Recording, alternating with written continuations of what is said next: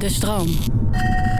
Als we de kunstgeschiedenis moeten geloven, worden vrouwen vaker naakt geschilderd dan dat ze zelf steengoede kunst maken. En dat klopt natuurlijk niet.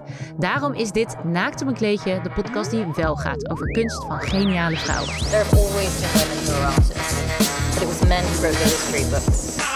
And somehow, they just forgot to mention that. Ik ben Joepiko En ik ben Heske ten Kaarten.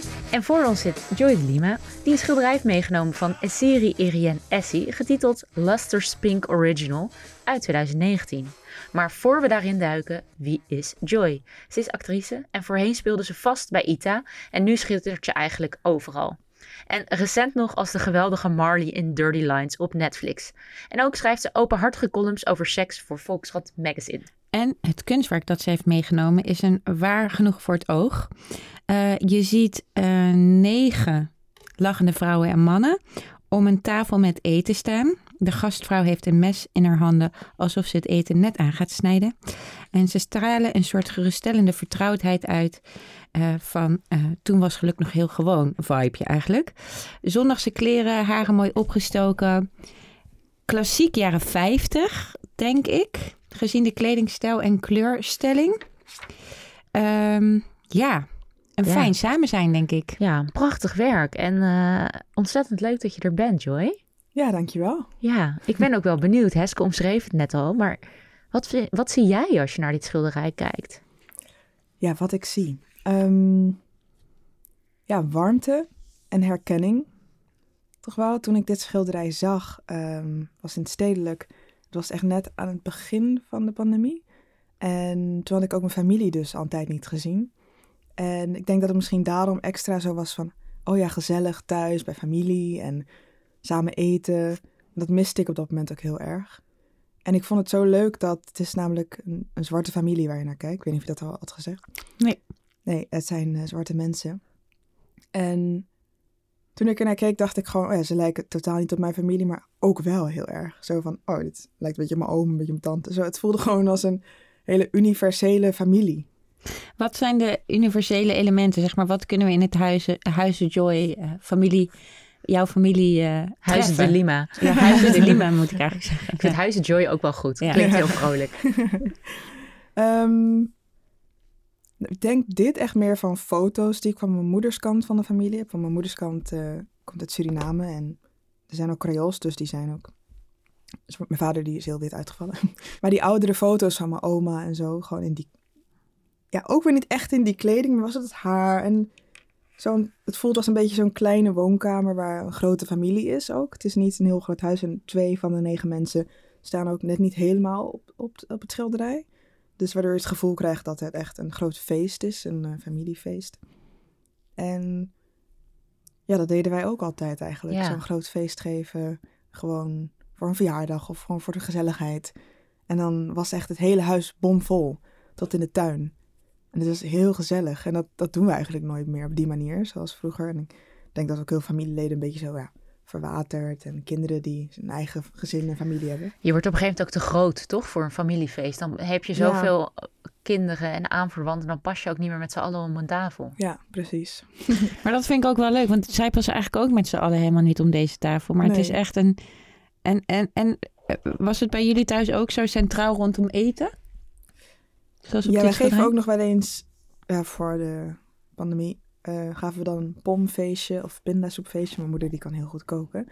En dan kwam de familie altijd voor de pom of een pindasoep, maar dan ook muziek en dansen. We gingen altijd dansen. Oh, En-. Ja, heel leuk. Maar dan ging het wel echt zo, ja, eten en samen zijn en lachen. En wat ik ook leuk vind is dat er staat een man op met een rolspak.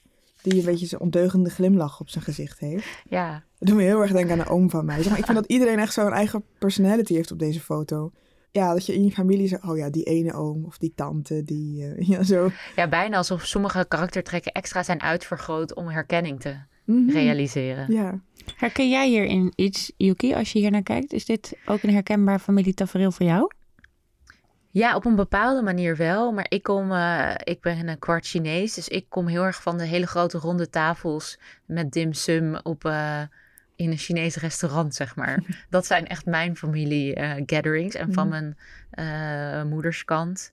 eh, hebben we een hele kleine familie. Dus daar heb ik wel iets meer de, de Hollandse kringverjaardag. Wat, Dat is dit wat bijna niet. scheldwoord is, maar in dit geval eh, in mijn familie niet. Want dat zijn ook altijd hele gezellige feestjes. Maar ik was altijd zo... Ik was ook wel bij dit kunstwerk, want ik heb het toevallig ook eh, in de pandemie eh, zien hangen in Mm, stedelijk. Want het hing in de Prix de Rome tentoonstelling. Daar was eh Erien Essie voor genomineerd. Ik heb toen ook zo lang staan kijken naar dat behang. Mhm, ja. Want er zit een soort behang aan de achterkant. Ehm, waar gordijnen zijn het? Ik weet het niet. Maar het lijkt bijna alsof daar zwart-wit foto's uit de krant voor op zijn Mhm. afgedrukt. Was dat jou opgevallen, Eske? Ja, eh, ik, ik moet ook zeggen, soms is het diffuus of het je eerst opvalt of dat je erover gelezen hebt. Want Ja. uiteindelijk ben ik natuurlijk over deze werken gaan lezen. En dan lees je erover dat ze dit dus eigenlijk bij, bij, bij heel veel van haar schilderijen heeft ze een soort behang of schilderijen Mhm. of backdrop zou je kunnen zeggen. Die refereren naar de krant en naar het nieuws. En eh, op dit schilderij is het eigenlijk niet eens zo heel aanwezig. Op sommige schilderijen van haar zie je het veel duidelijker. Eh, waarin ze ook echt referenties maakt op de achtergrond van deze familie. En dat vind ik zo geniaal aan haar werk. Naar ehm, zwarte geschiedenis. Eh, en dat kan gaan van eh, activisme tot de jazzmuzikant Sun Ra. Speelt vaak een rol in haar ehm, prins. Die ze dus op de achterkant van haar schilderijen afdrukt. En maar ook de Harlem Renaissance. opstanden.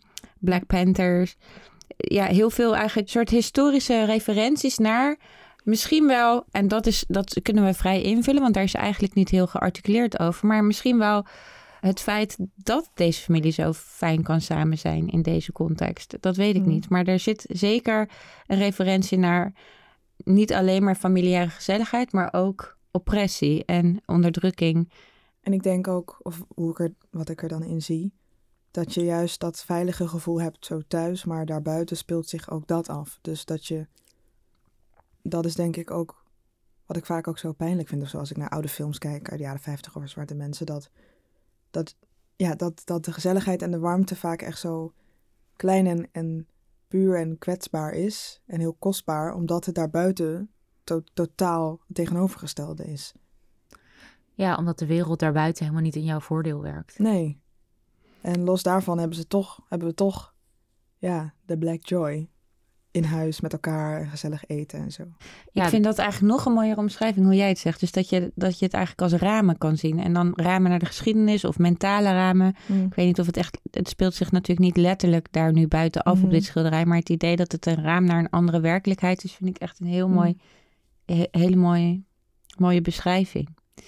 Nou ja, en ik kan me ook voorstellen dat eh Erien Essie ook juist die herkenning heeft willen oproepen. Want ik weet niet hoe dat voor jou zit, maar ik heb niet heel vaak als ik door museumzalen loop dat ik denk, hey, Ja, dit herken ik. nee, totaal niet. En ik moet ook eerlijk zeggen dat ik dus eh, heel weinig kunst heb gezien. En eigenlijk toen net toen de pandemie begon, wil- begon ik daaraan. Zo van, oké, ik ga vaker naar musea. En toen ging alles dicht. Maar dit was dus echt een van de eerste keren dat ik echt zo voelde dat ik gewoon er naartoe werd getrokken. Wat ik wel eens van andere mensen hoorde, maar dat overkwam me dan nooit echt of zo. Maar nu dacht ik van wauw. En wat ik ook heel mooi vind aan haar schilderij is dat ze, ze heeft ook een paar vrouwen gewoon alleen van heel zo'n portret bijna. Dat het heel erg gaat over het haar. Ehm, maar dat ze zwarte mensen met heel veel verschillende kleuren schildert. Dus als je goed kijkt zijn ze vaak, ja hier niet zo, maar op haar andere schilderijen dat ze met roze en groen en blauw.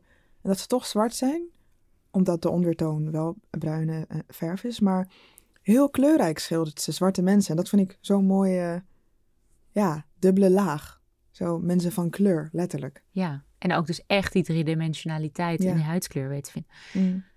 Ik was natuurlijk ook over haar gelezen en ik las ook op een gegeven moment, want het is, het is dus, vind ik ook een hele mooie manier van, het is en activistisch, maar het laat ook die Black Joy zien. Maar Ja. is het activistisch? Daar wil ik wel. Waarom is dit activistisch? Ja, dat is een goede vraag. Misschien is het niet, maar dat weet ik eigenlijk niet. Ik denk door, die, door de afbeeldingen op de achtergrond die ze vaak erbij plakt, dat het daardoor voel je wel een stempel dat, er, dat het niet alleen de gezelligheid is. Nee. Dus is het activistisch? Ze wil wel iets veranderen of laten zien nou ja, dat er- laten zien vooral. Ja. Ja. ehm, dat, het, dat het een niet bestaat zonder het ander. Ja, wat ik, zo. wat ik ook, wat jij noemde al even, hè, Black Joy. Mm. het is, het is erg dat het. In die zin is het misschien erg dat het activistisch is geworden om zo iets als het geluk van zwarte mensen eh, op een schilderij te schilderen, in een museum te hangen en dat mensen dan zeggen: Goh, nou, dit heb ik echt nog nooit gezien. Dat, dat in de basis is een activistische daad. Maar het zou niet zonder haar activistisch een moeten activist zijn. te noemen. Ja. Ja. ze is bij, tegen wil en dank, zou je bijna kunnen zeggen, een activist geworden, omdat de institutionele wereld zo lang dit soort taferelen eh, genegeerd heeft en niet heeft willen insluiten. En, en daarmee eh, een heel belangrijk stuk van de globale wereld genegeerd heeft. Dus ik snap wel dat het in de activistische hoek komt, maar eigenlijk is het zo erg dat dit een activistisch werk is. Ik las ook ergens dat zij. ehm, zij beschrijft op een gegeven moment over de jaren 50 over de Kodak-film, de analoge film. Dat, eh, dat de bruine eh, en zwarte huid daar ook heel dof op te zien is. En dat dat heel lang daar eh, wel over werd geklaagd, maar dat het niet veranderde. Ja. Totdat meubelfabrikanten zeiden: Mijn bruine houten meubels komen niet goed naar voren. Mm. En dat het toen eigenlijk pas is aangepast. En Ja. daarom, m, dat weet ik niet, dat vul ik in, maar denk ook bijna dat ze zo extra haar best doet op die eh, kleursamenstelling van die, van die Ja. huid. ja, want ze reflecteren heel veel licht op deze schilderijen. Ja, Ja, ze gebruikt die foto's ook als referentie. Ja. Dus, dus ze, ze zoekt eigenlijk Mhm. archieffoto's uit de jaren 50, want ze leeft nu, ze werkt nu, ze woont in Amsterdam. ja 1982 is ze geboren in Nigeria, volgens mij. Ja, en ze, ze is eigenlijk London-based. Eh, ze, ze spreekt Engels, eh, maar ze woont in Amsterdam. En dat beeldmateriaal wat ze gebruikt, dat archiefmateriaal, daar zie je die fout ook in, dat, in het medium. Wat in film ook zo is. Ja. Wist je dat? Ja, ik wist Ja. wel. Ik wist niet dat het was veranderd omdat eh, meubelfabrikanten dat anders wilden. Maar ik wist zeker wel dat het eh, dat vroeger dus de zwarte mensen gewoon niet goed uitgelicht werden. Dat technologie gewoon, Ja, dat het gewoon was, ja, als er een wit persoon en een zwart persoon naast elkaar staan, dan, dan wordt de wit persoon uitgelicht, ja, zeg maar. Ik weet niet of dat nog steeds, ik bedoel, de, de technologie is er nu, maar soms zie je nog steeds wel op, eh, Nou ja, en het is ook anno 2022 nog steeds een probleem dat technologie eh, vaak door witte mannen, mannelijke programmeurs wordt gemaakt. Dus dat bijvoorbeeld artificial intelligence en gezichtsfilters nog heel erg uitgaan van een bepaalde reference man, die eh, maar voor een hele ja, beperkte groep een reference man is. En daar refereert dit werk op een bepaalde manier ook naar. Hoe gaat het nu eigenlijk met je ambitie om meer naar musea te gaan? nee, nog niet goed. Nee, ehm, nee, eigenlijk niet. Ik heb het net, ik, ik kom nu net in een iets rustigere periode. Ik heb het gewoon eigenlijk heel druk gehad. Dus eigenlijk alle dingen die ik naast mijn werk wilde doen, zijn er nog niet van gekomen. Maar ik wil heel graag. Ik ben nu veel aan het lezen, want dat was ook gewoon iets wat steeds niet lukte. Dus het lezen heb ik weer opgepakt en nu wil ik ook heel graag eh, dit oppakken. Maar dit is gewoon iets wat ik daarvoor dus nog nooit deed. Dus het is iets waar ik echt aan moet beginnen. Want wat was dan het, wat was de spark dat je dacht, daar wil ik aan beginnen? Ja, omdat ik dacht, ik woon in, Am- ik was toen net naar Amsterdam verhuisd. Net in het begin van de pandemie. Van waar Eh, kwam je? Ehm, uit Arnhem toen, want ik kom uit Rotterdam. Maar ik had vier jaar in Arnhem gestudeerd voor de toneelschool. En toen was ik afgestudeerd en toen verhuisde ik naar Amsterdam. En ik woonde gewoon vlakbij het Rijks. En ik was gewoon zo, ik dacht van ja, ik woon er nu echt naast, zowat, weet je wel. En ik was bijna nooit naar een museum geweest. En ik merkte gewoon dat het me ook een beetje beperkte soms in toneel kijken. Referenties en zo. Dat ik gewoon voelde van, oh ja, er is- gewoon een gat op een bepaald kunstvlak. En dat is nog gewoon nu beeldende kunst. En ja, meer- Maar voelt het dan een beetje als huiswerk? In het begin wel, omdat soms dan, ja, omdat, omdat het zo nieuw is, weet ik soms gewoon niet waar ik naar moet kijken. Of waar zo'n kunstwerk aan refereert, weet je wel. Dat mensen zeggen, oh ja, dat doet me echt denken aan bla bla bla. Dan denk ik, oh ja mij niet. ik kan gewoon nu puur nog heel gevoelsmatig kijken. Dus dat is ook leuk. En dat is ook waarom dit me zo aansprak. Het voelde gewoon zo, oh wow. Ik wilde er gewoon heel lang naar kijken en ik wilde het ook aanraken. Niet gedaan, maar... ehm, Mag je ook gewoon eerlijk zeggen als dat wel zo is. Hoor. nee, ik heb me ingehouden. Nee, maar ja. Nou, maar het is wel mooi wat je zegt over dat je nog bijna een soort van clean slate bent en kan en helemaal puur Mm. kan kijken. Want ik kan me ook voorstellen dat je voor je, ja, je werkt natuurlijk wel in de kunsten, ja. dat je bij, eh, bij toneel eh, dat soms niet meer hebt, omdat je daar bijna beperkt wordt door alle referenties. Nou, dat valt op zich ook wel mee hoor. Ik denk dat. Kijk, ik ben niet eh, opgegroeid met. eh, dat we vaak naar toneel gingen of, of naar musea of zo. Dus dat is echt iets wat ik helemaal zelf heb moeten ontdekken. En ik vond het gewoon altijd leuk om te spelen. En op de toneelschool kreeg ik ineens filosofie en filmgeschiedenis. En dacht ik van, oh, oh ja, wow, er is gewoon een hele, echt, ja, alles is ergens, komt ergens vandaan en er wordt ergens aan gerefereerd. Dus dat moest ik helemaal opnieuw ontdekken. Dus zelfs in het toneel soms nog hoor. Dus ehm, meer technisch dat ik dan nu zo moeilijk ergens doorheen kijk. Maar ik kan nog wel verrast worden door het toneel. Je kan er nog van genieten. ja, zeker, zeker. Je zei het net al even, hè, dat je ontzettend druk bent geweest. Mm. We hebben je ook uitgenodigd omdat we het idee hebben dat we een beetje eenzelfde soort missie hebben. Jij bent eh, sinds eh, een paar maanden, denk ik, gaan schrijven over seks. Een jaar, Eh, anderhalf jaar. Oh, ja, ja, de pandemie doet echt iets raars met je tijdbesef. We zitten al 2,5 jaar in een pandemie, hè mensen? Ja, Ja. ja. we gaan nu volgens mij weer nog dieper in de komende weken. Ja. Maar goed. Anderhalf jaar, sorry Joy. Ja. Ehm, waarom dacht je, ik ga schrijven over seks? Wat, wat, wat hebben we daar nog op terrein te winnen? Nou, we hebben nog heel veel te winnen. En waarom ik over seks ben gaan schrijven, eigenlijk was het idee om een voorstelling te schrijven, omdat ik eigenlijk gewoon ook voor toneel schreef. Alleen toen kwam de pandemie en toen gaf ik ooit een interview aan Volkskrant Magazine en toen zei ik van ja, ik zou heel graag een voorstelling daarover willen schrijven of misschien dan anders wel korte verhalen ehm, over eigenlijk de kwetsbaarheid vanuit mezelf. Dat ging toen heel erg over eh, geen orgasmes kunnen krijgen. En dat ik ooit via toneel eigenlijk, omdat ik daar ooit een monoloog over schreef, toen ineens merkte vanuit het publiek van, oh, er is heel veel herkenning en behoefte aan verhalen die je niet zo snel terugleest of niet zo ziet in films of zo. En ik merkte gewoon dat het heel empowering voelde om die angsten die ik, want dat was eerst echt zo, mijn grootste angst, dat zou ik echt nooit met iemand delen. En ineens was dat weg, dat gevoel van, oh, het, het, ik bedoel, nee, het was niet, het probleem was niet weg, maar de angst en de macht die het over me had, was weg. En daardoor ben ik heel erg gaan inzien van, oh, onze seksuele voorlichting is gewoon zo minimaal, zo gericht op zwangerschap en SOA's en de penis. En ik heb eigenlijk niks geleerd over mijn eigen lijf en genot vooral.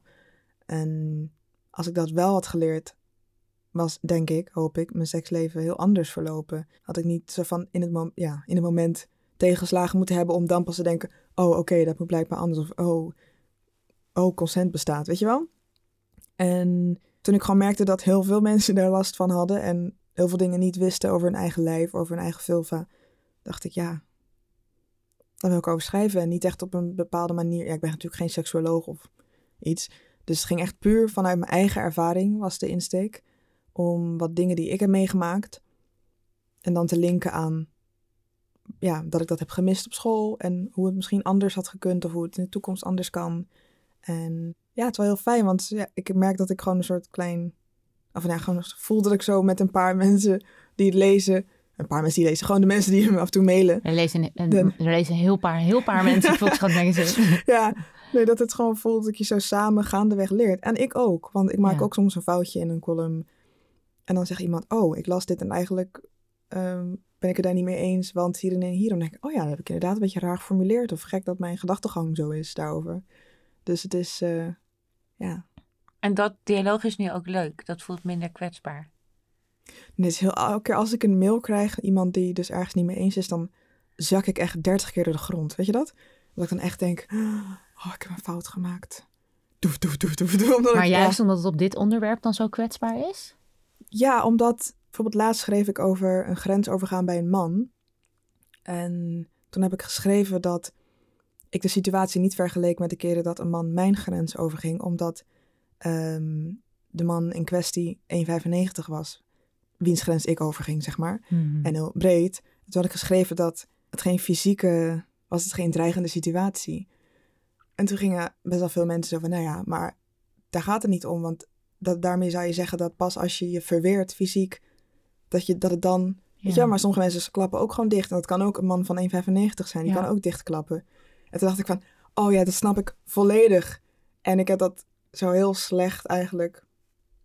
Het ging er meer in omdat ik, ja, ga ik niet Maar zo ik- van verweren, maar ik bedoel, Ja. je, dat soort dingen. Ja. Ja. Die zijn dan zo genuanceerd en zo belangrijk.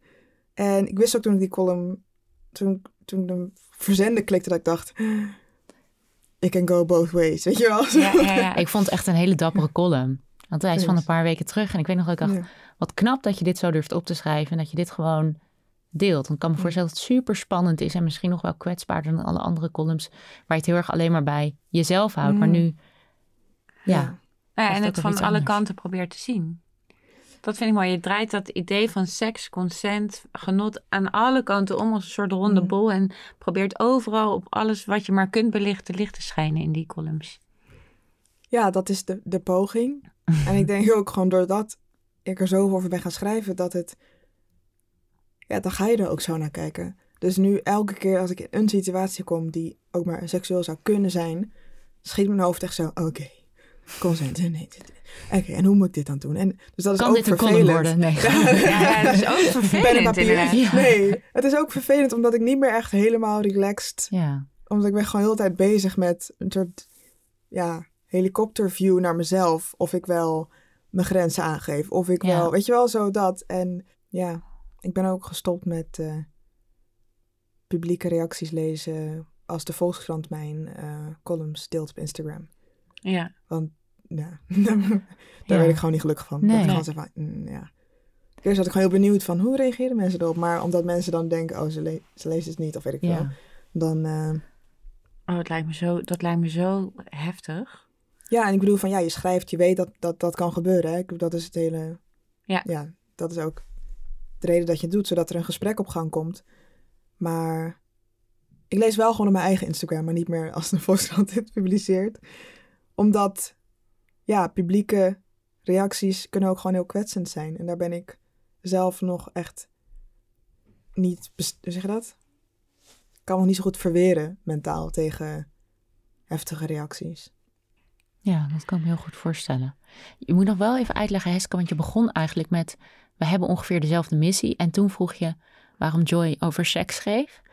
Nou, ik En denk... ik snap een beetje wat je bedoelt, maar je moet nog Ja. iets meer Ja, uitleggen. ja, klopt. Ik, ik- soms heb ik een lange intro ook naar een vraag. dat wordt bijna een running gag. Maar eh, het gaat natuurlijk over dat... Wij zijn deze podcast begonnen omdat vrouwen op schilderijen heel vaak geobjectiveerd worden voor het genot van de kijker. Wat, Mhm. eh, en misschien zelfs voor het genot van de kunstenaar. Daar hebben we ook al een mooie aflevering over gemaakt. Mhm. Dat die, de, de man het ook gewoon heel fijn vindt om heel lang in zijn atelier naakte vrouw te hebben. En dat uitgebreid en heel gedetailleerd te schilderen. En vervolgens hing het dan in de eetkamer of in de salon. Of, hè, en dat was toch misschien de porno van Vroeger. eh, van vroeger. Ja. Van weleer. En, ehm, en wij zijn deze podcast begonnen omdat er eigenlijk zolang er mensen zijn, ook vrouwelijke kunstenaars zijn, of eh, kunstenaars die zich identificeren als vrouw, die andere onderwerpen kiezen. Eh, en in ieder geval een interessant antwoord zullen hebben op die objectivering van een vrouw. Die kunnen ook vrouwelijk naakt schilderen, maar misschien met hele andere beweegredenen of hele ehm, andere revoluties, om het maar zo te zeggen. En ik denk in zekere zin dat jij dat met je columns ook probeert te doen. Dus door heel open en eerlijk over seks te praten vanuit jezelf, wat een kunstenaar, een vrouwelijk kunstenaar ook doet, je neemt altijd jezelf mee, eh, breek je toch een lans om vanuit het vrouwelijk perspectief, nou niet altijd bij jouw columns, maar ja, jij bent zelf een vrouw, dus toch, ja, wel vanuit het vrouwelijk perspectief. Zo, ik zit lekker hard op te denken. Mag, dat doen we vaker hier. Ja, eh, eh, zoiets elementairs als de liefde bedrijven, erotiek ervaren, genot beleven, ehm, voor iedereen toegankelijk te maken. En een perspectief daaraan toe te voegen wat weinig is gehoord. Ja, en tegelijkertijd weet ik ook dat, het, dat ik niet voor iedereen kan spreken. En dat soms denk ik, oké, ik schrijf het vanuit het perspectief van degene waarmee ik was. Maar dat kan dus niet, want dat is nog steeds mijn perspectief. Ja. Snap je dus, ook al denk ik voor de, ja, vanuit de ander, dan denk ik nog steeds voor die Ja. ander. En dat is ook wel misschien wel een beetje confronterend geweest of zo. Dat ik dan dat toch wel poogde en dan toch dacht, nee, dit is nog steeds wat ik denk dat diegene dacht. dus ik weet helemaal niet wat diegene dacht. Dat is wat ik poog, dat het echt vanuit mij is en daardoor universeel kan worden. Maar ik wil niet voor andere mensen gaan spreken. Ik probeer wel zoveel mogelijk viewpoints te geven. Zo van, dit kan het zijn, dat kan het zijn, dit bestaat er ook. Maar ja, ik ga niet gewoon een soort van Google research doen en dan dat op, weet je wel? Zo, het Nee. moet wel iets zijn waar ik zelf ook voel, oh, hier kan ik zeker met zekerheid over praten. Maar volgens mij hoef je ook niet het verhaal over hoe we naar seks kijken als samenleving te herschrijven. Maar ben je het voor, aan het verbreden. En is dat wat we hier... Wij proberen ook Ja. niet de kunstgeschiedenis te veranderen. Maar eigenlijk te laten zien, er is een bredere scope. Ja, van, er waren zoveel meer makers dan die je in de boeken ziet. En Ja. er is...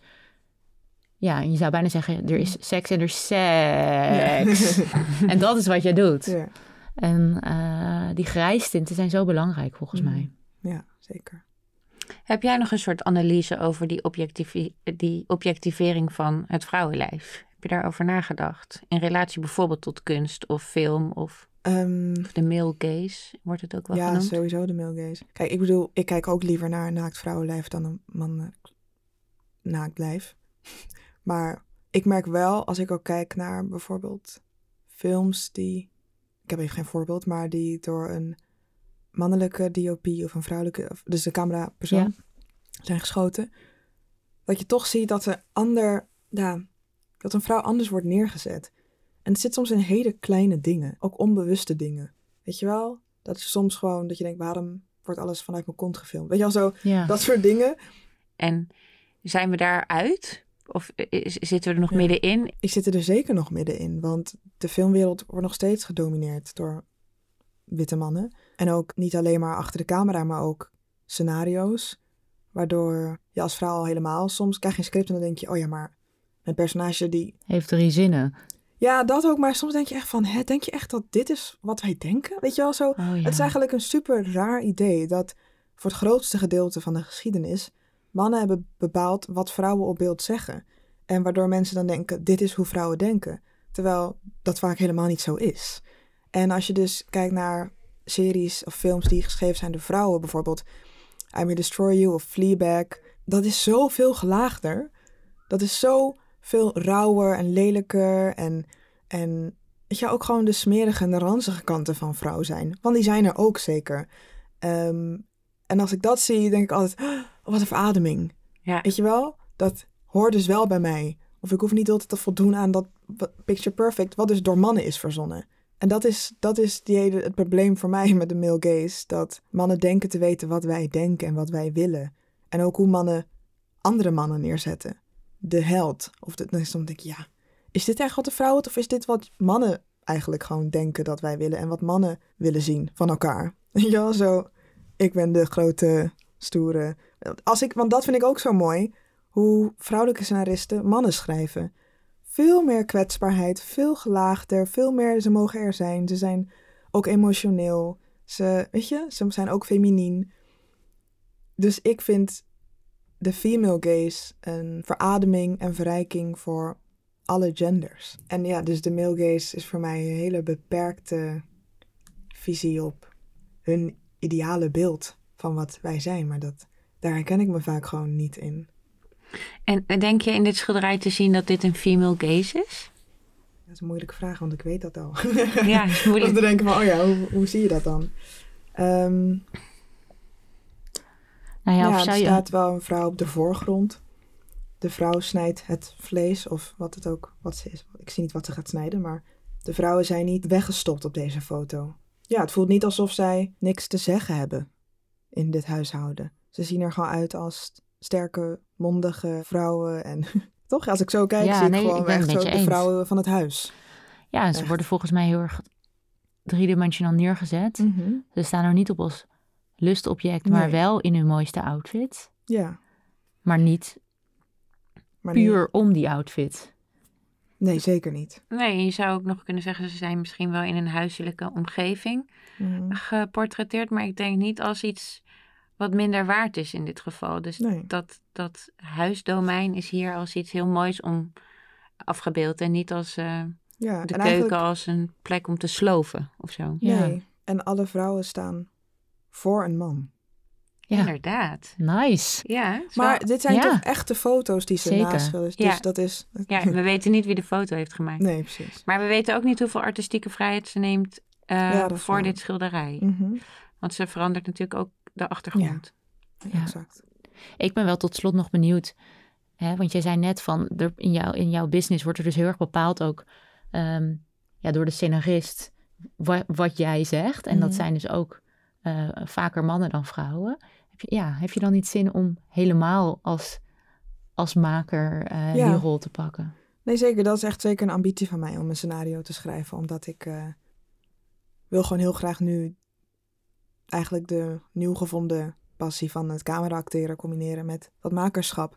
Dus dat is zeker iets wat ik wil. Ja, ja, zeker, zeker. Ik heb het gevoel dat, er, dat dit al misschien dichterbij ligt. Ja, ja, je kijkt ons fonkelend Ja. aan en, heel, eh, en heel, met heel veel suspense. Ja. Dat is weer zo'n rot suspense van een acteur die zegt, ik kan er nog niks over zeggen, Ja. maar... Nee, dat is zeker wel iets wat ik in de nabije toekomst... eh, You're working on it. ja, Nice. Nou, daar kijk ik alleen maar naar uit. De zin om naar de bioscoop te gaan en dan jouw naam op de aftiteling te zien, maar dan gewoon op meerdere plekken. ja. Dank je wel om eh, voor het kennis laten maken met dit het mooie werk. Ehm alright, gaan we naar de cultuurtips. Elke week nemen we allemaal een werk van een vrouwelijke maker mee. Dat kan een boek zijn, een theaterstuk, een YouTube-video. Het maakt niet uit. Als het maar goed is en wij het de moeite waard vinden om te tippen. Ehm Heske, wat heb jij meegenomen? Ik vind het sowieso heel leuk om volgende week een YouTube eh, filmpje uit te zoeken. Omdat Oké. je dit nu noemt, dus dat is een challenge die ik bij deze accept. Is goed. Eh, nee, ik heb iets meegenomen wat ik net van jou gekregen heb. Ja, ik heb nog altijd een cadeautje voor jou meegenomen. Ja, een heel fijn cadeau wat ik ook online al had besteld, maar nu heb- net heb gecanceld. Leven en laten leven van Madeleine van den Nieuwenhuizen. Eh, volgens mij vers van de pers. Uitgegeven door Atlas Contact. Een gedachtenwisseling over abortus en zelfbeschikking. Het hele abortusdebat is natuurlijk weer mega actueel. Of eh, ja, debat. Ik vind dat al een misterm voor wat het zou moeten zijn. Het zou al geen debat moeten zijn. Maar het is weer heel actueel. In allemaal landen ter wereld staat zelfbeschikking voor vrouwen en het recht om een kind al dan niet of een zwangerschap te stoppen, een kind te laten weghalen, klinkt al veel heftiger dan dat het Een is. zwangerschap af te breken. Ja, wat een, wat een recht is wat vrouwen zouden moeten hebben of een keuze eh, onder druk. En Madeleine heeft daar een poll over gehouden op haar Instagram zijkschrift. Ze was ook een van onze gasten bij Naakt op een kleedje, maar ze heeft dus nu ook een boekje. En de helft van het boekje kun je eigenlijk haar discussie, of niet haar discussie, een discussie lezen die haar volgers met elkaar hebben. En in het eerste helft is er een essay en eh, ja, een heel persoonlijke verhaal waarin ze vertelt eh, wat abortus voor haar betekent. Ja, ik, ik weet niet of ik zin heb om dit te lezen, maar ik vind het toch altijd goed om, om bij te blijven. Want Ja. zij zegt heel terecht, als het naar Nederland komt, en dat is niet zo heel onwaarschijnlijk, eh, moeten we de straat op met deze argumenten. En we need to be ready. Ja. Dus ik ben me toch ook aan het voorbereiden dat we veel meer actie moeten gaan eh, ondernemen dan eh, we de afgelopen 40, 50 jaar hebben moeten doen. Ja, dus gewoon verplicht huiswerk. Ja, huiswerk. Mooie mij ook gewoon heel goed geschreven. Ja, dat zeker, dat zeker. Ik heb het stiekem al een beetje gelezen. Joey, wat heb jij meegenomen? Volgens mij ook een boek, hè? Ja, ook een boek. Ehm, ik heb Period Power van Macy Hill. eh meegenomen. Ik heb hem niet fysiek meegenomen, maar... Ehm, Mentaal. Ja. Ehm, dat is een boek en het gaat eigenlijk over eh, de cyclus. Ehm, en dan de cyclus als seizoenen.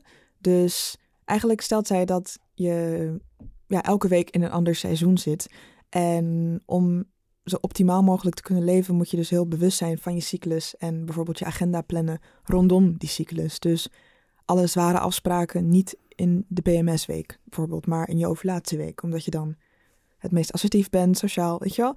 En dat was echt zo'n eye-opener voor mij om me bewust te worden van mijn cyclus. En waarom ik me de ene week slapper voel dan de andere week. En ja, ik, ik moet echt zeggen dat ik veel meer accepteer hoe ik me voel en begrijp. En dus ook poog om iets niet te plannen als ik weet van, oh, dan voel ik me zo waarschijnlijk. Of dan voel ik me zo, dus ga ik juist die afspraak plannen. Dus, Durf je dat eh, ook, als eh, argument te geven? Dat je zegt, nee, sorry, die afspraak gaan we niet in deze week doen, want dan... Dan menstrueer ik. Ja. Wat goed. ja, dat doe ik wel, omdat ik gewoon best zwaar menstrueer. Dus als het kan, doe ik het gewoon eh, niet. Ja. Goed. Ja. Ik had laatst, moest ik een podcast opnemen met een mannelijke co-host. En toen zei ik, oh, ik voel me gewoon zo kut. Ik moet ongesteld worden. En toen zei hij, ik vind het zo goed dat je dat zegt. En toen was ik echt ja. heel blij met, Ja, nou, gewoon dat je denkt, het wordt steeds meer geaccepteerd. ja ik, ik hield altijd mijn mond erover. En sinds ik dat niet meer doe, dus gewoon ook waar mannen bij zijn, op, als ik op de set ben, Want dat is het vaak dat heel veel vrouwen dus menstrueren in het geheim en pijn lijden in het Ja. En dat ze zich dus eigenlijk, heel veel mannen zich niet bewust zijn van het feit hoeveel wij doen, terwijl we eigenlijk pijn lijden. Sinds ik dat gewoon hardop zeg, eigenlijk reageren ze er bijna altijd in mijn kring heel chill op. Dus Ja. dat is eh, fijn. Nice, goede tip. We Ja. gaan het boek ook in de show notes en op Instagram zetten. En, En ik blijf een eh, beetje Heb in jij het een tip? thema. Heb Ja, leuk. Maak leuk je dat de je het cirkel vraagt. even rond. Oh, ik maak de cirkel even rond. Want eh, soms menstrueer je eh, negen maanden niet. Dan, eh, dat, kunnen allerlei redenen voor zijn. Maar je kan dan ook zwanger zijn. En daar heb ik een heel mooi gedichtenbundel over. eh, van Gerda Blees. Eh, we kennen haar misschien wel van eh, Wij zijn licht. Waarvoor ze ook voor de Librisprijs twee jaar geleden voor werd genomineerd. Ook een heel mooi boek. Maar nu heeft ze dus een, een gedichtenbundel Week over, ja, over de tijd dat ze zwanger was. En ik heb één zinnetje uitgezocht, want die vond ik zo mooi. En dat is: Wij hebben meer dan 100 boeken weggedaan om plaats voor jou te maken. Nou, dat vond ik heel mooi. dus eh dichtbundel van Gerda Blees. Wij zijn er volgende week weer. Dankjewel voor het luisteren. Dit was Naakt op een kleedje. Volg ons vooral op Instagram. Daar vind je alle bio's van de kunstenaars, ehm, films, video's, de cultuurtips en meer info over onze gasten. En eh, vertel het vooral aan iedereen die het horen wil dat wij bestaan. Dankjewel voor het luisteren. Kleine disclaimer. Wanneer we spreken over vrouwen in deze podcast, bedoelen we natuurlijk iedereen in de wereld die zich identificeert als vrouw. Zo, en dan nu de credits. Dank Steven Driehuis en Ika Berman voor redactie en montage. Gijs Knol en Tom Hofland maakten onze jingle. Gees Voorhees maakte ons artwork. En wij heten Hesket en Katen en Yukiko. Volg ons op @naakt op een kleedje op Instagram voor meer vrouwen en meer kunst.